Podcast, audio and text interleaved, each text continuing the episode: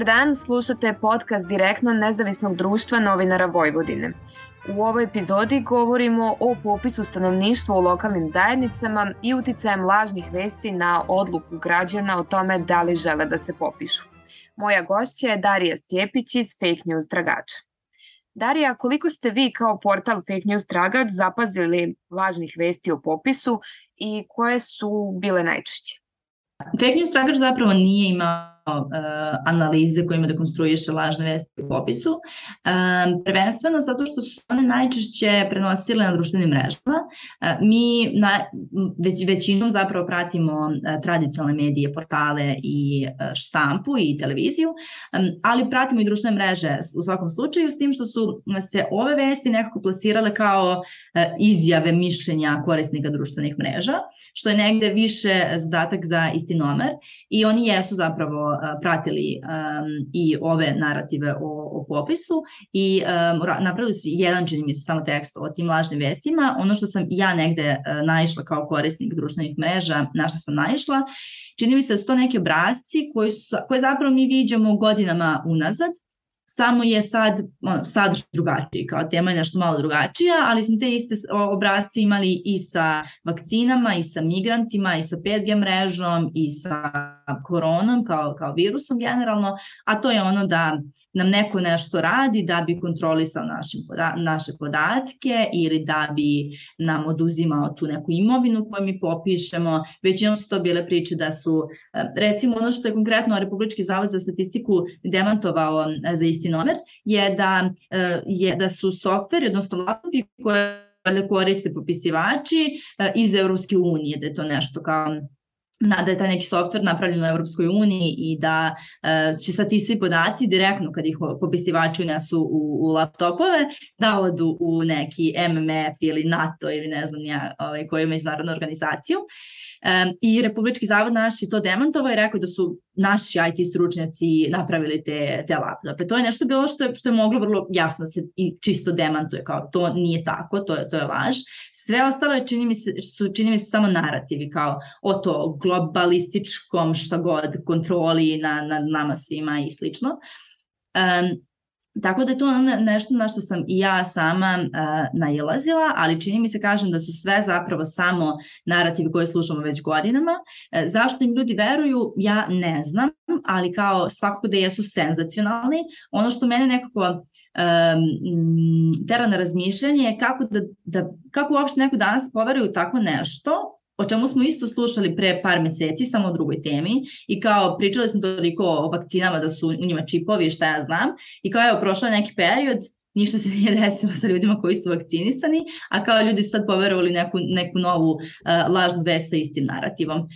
Sa druge strane, imam i razumevanje prema delu populacije koji je nepoverljiv prema našim institucijama, našim mainstream medijima. Meni je sasvim legitimno da se postaje pitanje zaštite podataka, naših prirodnih podataka, ali ne na ovaj način, o, ovakvom, ovakvom vrstom skepticizma. Mislim kao popis stanovništva se sprovodi uh, ono već 200 godina otprilike kao i sad mi postavljamo pitanje uh, zašto nekom je potrebno, ono, kao, zašto će ne, neko pitati za naš JMBG koji nam je dodelila ta ista država i kao već ga zna.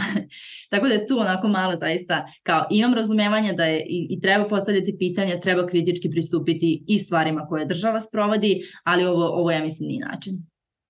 A kako smatraš da i lažne vesti o popisu ili dezinformacije koje su se pojavile i na društvenim mrežama, ako ne u nekim mainstream medijima, mogu uticati na stavove i postupke građana na lokalu, odnosno u ovom slučaju, na primjer, na odluku da se ne popišu, odnosno ne otvore vrata popisivaču i da li smatraš da je to zapravo bio uzrok toga što neki ljudi nisu želi da se popišu više nego više njih nego ranijih godina verovatno. Ja nisam sigurna zapravo koliko u stvari je to bilo masovno odbijanje popisivanja ove godine i koliko se razlikuje od drugih godina nemam podatke, ali čini mi se da je panika svakako stvorena, kao ne možda koliko jeste oko vakcina ili oko nekih drugih stvari, ali u ovom slučaju problem to što je stvorena nepotrebno. Dakle, oko nekih drugih e, stvari o kojih su se kreirali isti narativi, bilo je, moglo se opravdati time da je legitimno da preispitujemo sve što se dešava u vezi sa koronom, jer je to ipak pitanje zdravlja e, celog društva, cele nacije.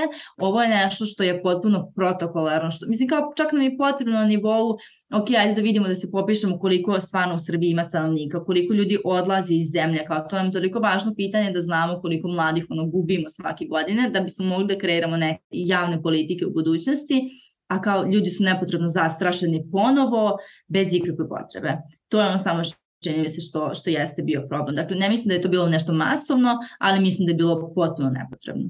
A prema nekom vašem iskustvu generalno, ne samo kada govorimo o popisu, da li su i lokalni mediji izvori lažnih vesti ili tu uglavnom mislimo na neke mainstream koji su distribuirani na nacionalnom nivou?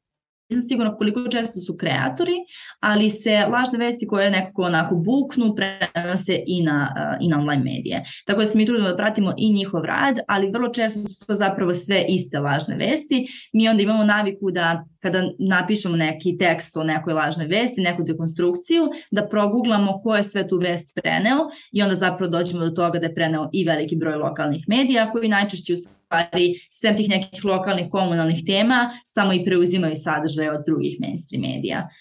A šta je ono što su, da kažem, trenutno aktuelne ovaj, ili najčešće lažne vesti koje srećete?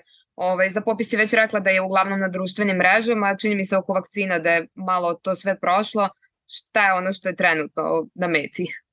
Da, čini mi se da trenutno nema neke kao ono teme koja je baš, da, baš u fokusu. Evo, čak i to kao i oko popisa nije bilo toliko, um, toliko mnogo lažnih vesti. Neko mi se čini da su onako dosta, da je neko primjer je u tom smislu, a, ali to su standardno, mislim kao vesti od, od sporta do ono, politike, do rata u Ukrajini, do kao uvek su to nekako ono, um, dosta raznolike teme, sem kada imamo situacije da je nešto jako mainstream, kao što korona ili nešto slično, onda je fokus isključivo na tome. Kada, je, kada nema takvih, uh, takvih perioda, onda su to zaista ono, najrazličitije teme. Na koji način sve zapravo dekonstruišete informacije, osim onih uh, klasičnih tekstova dekonstrukcije koje najčešće srećemo, često vidimo vaše sadržaje na TikToku i koliko je zapravo ovakav drugačiji pristup značajan za neke mlađe generacije? Da, e, mi na, na fake news tragaču imamo nekoliko formata zapravo e, kada je reč o našim tekstovima. Jedan su te klasične analize u kojima samo dekonstruišemo e, neku lažnu vest. E, imamo rubriku u kojoj pišemo recenzije na knjige koje imaju veze sa podacima, informacijama, medijima i slično tome, nek, neka vrsta edukativnog sadržaja. E, imamo i blogove, recimo jedan od, e, od praksi koju, koju sprovodimo prethodnih, ja mislim, više od dve godine, je da se osvrćemo na mesec unazad, pa da vidimo zapravo koje su to neke lažne vesti koje su obeležile mesec za nama. Od skoro smo u tu rubriku uveli i e, zadatke, da postavimo zadatak našim čitavacima, da neku dezinformaciju, neku fotomanipulaciju dekonstruišu, da, da nešto saznaju, nešto se može u par klikova uraditi i da nam onda zapravo odgovaraju. Uh, takođe uz to sve, dakle i pored neke osnovne promocije na društvenim mrežama uh, i otvorili smo nedavno i TikTok nalog, nedavno to je to bilo sad već pre nekih šest meseci, jer smo shvatili da zapravo do mlađe populacije nećemo doći drugačije. Uh, koliko god kao trudili da, da nešto sadržaj modernizujemo, prosto moramo se pojaviti na njihovoj platformi da, bismo, da bi oni čuli naš glas. Um, mislim, postoje sad tu različite ono, tumačenja kao koliko je to u stvari podilaženje mlađim generacijama, da sad mi skraćujemo forme na jedan minut da im nešto objasnimo, ali ja nisam tog stava, mislim kao i te, televizijski prilog preko dva minuta je može da se baci, kao ne može da se emitovati u dnevniku, tako da ne mislim da su uh, TikTok formati nešto što je šturo i što je što nema neku svoju svrhu i vrednost. Um, tako da smo mi odlučili da priđemo mladima na, na, na, na njihove platformi i to nekako dosta uspešno funkcioniše. Mi nemamo nigde toliki na, na drugim društvenim mrežama toliki feedback od, uopšte od publike, od zajednice, nego na TikToku. Um, mislim, imali smo komentare da jedna devojčica nam je pisala da imala naš da imala domaći zadatak da analizira jedan naš video. uh, cijela ideja Novosadske novinarske škole koja je osnovala Fake News Tragač jeste da u stvari uđu, da medijska pismenost uđe u škole i da se kao implementira, mi smo to postigli jednim videom koji je, koji je prosto bio viralan i došao je do te neke nastavnice ili, ili učenice i, i bio je predmet diskusije u školi. Um, pored toga, ono što je isto moj utisak jeste da nekako um, možemo da steknemo zapravo neka viđenja o stavovima mladih danas. Mi smo imali serijal jedan tokom pred um, Paradu ponosa u Beogradu pred Europride i uh, ja sam očekivala da će tu biti ono isključivo hate komentari na takav sadržaj, međutim tu su bili komentari potpuno podeljeni. Na jedan komentar nećemo, nećete šetati, dobili su komentar e šetaćemo. Tako da kao uh, nekako mi se čini da je to stvari prostor na kom mi sa mladima možemo da diskutujemo o relevantnim, važnim, velikim društvenim temama. I to je ono što nekako i, i pokušavamo kroz, kroz taj nauk. I negde za kraj, kako je zapravo vaše iskustvo kada je reč o podložnosti mladih lažnim vestima? Da li je nekako uh, procenat veći u, u mlađoj generaciji ili možda u generaciji njihovih roditelja? Da, ne bih mogla kažem tačan procenat, ali čini mi se da nekako nema tu mnogo oscilacija. Um, mladi sa jedne strane jesu tehnički E, pismeniji u smislu da će se pre snaći da nešto izgooglaju, da nešto provere, da nešto nađu neku informaciju na internetu i to jeste njihova prednost. Sa druge strane, stariji imaju tu neku dozu kritičnosti u sebi kao na osnovu njihovog iskustva kroz, kroz život, tako da oni iz te perspektive su, um, su, su bolji u tom, u tom smislu.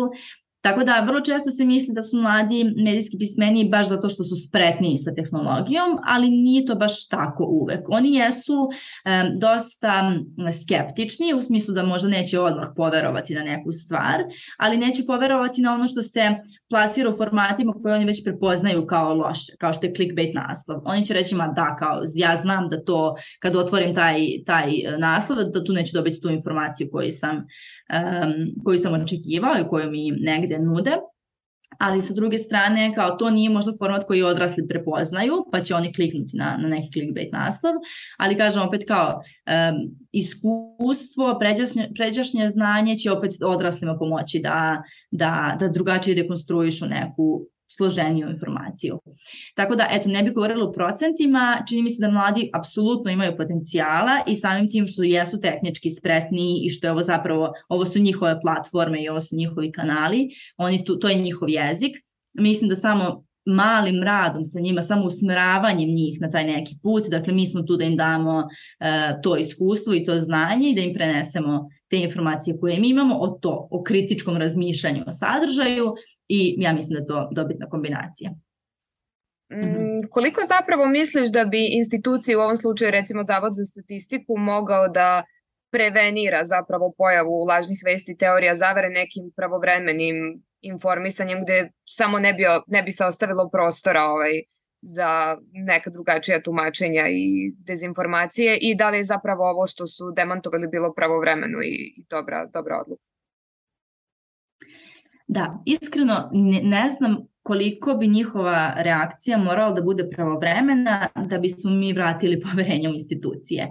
Sasvim sigurno da oni ovde jesu imali zadatak kad su vidjeli u kom to smeru ide, da su da jeste bio njihov zadatak da na neki način iskomuniciraju, da pokrenu neku kampanju koja će zaista onako e, istinski objasniti čitav proces i prosto smiriti ljude jer, jer nema potrebe za panikom, ali čini mi se da bi opet neki deo tog nepoverenja koje generalno imamo prema institucijama postojao. Tako da, eto, sasvim sigurno da su, da su trebali da reaguju. Uh, ovo što su oni demantovali tek, u tekstu za istinomer, nisam sigurna koliko je to dovoljno. Mislim, kao istinomer nema toliko publiku da sad uh, pokrije, da pokrije većinsku državu u, u tom smislu i da, i da informacija dođe do svih, doći će do onih koji inače čitaju uh, takve sadržaje i koji verovatno slično i razmišljaju.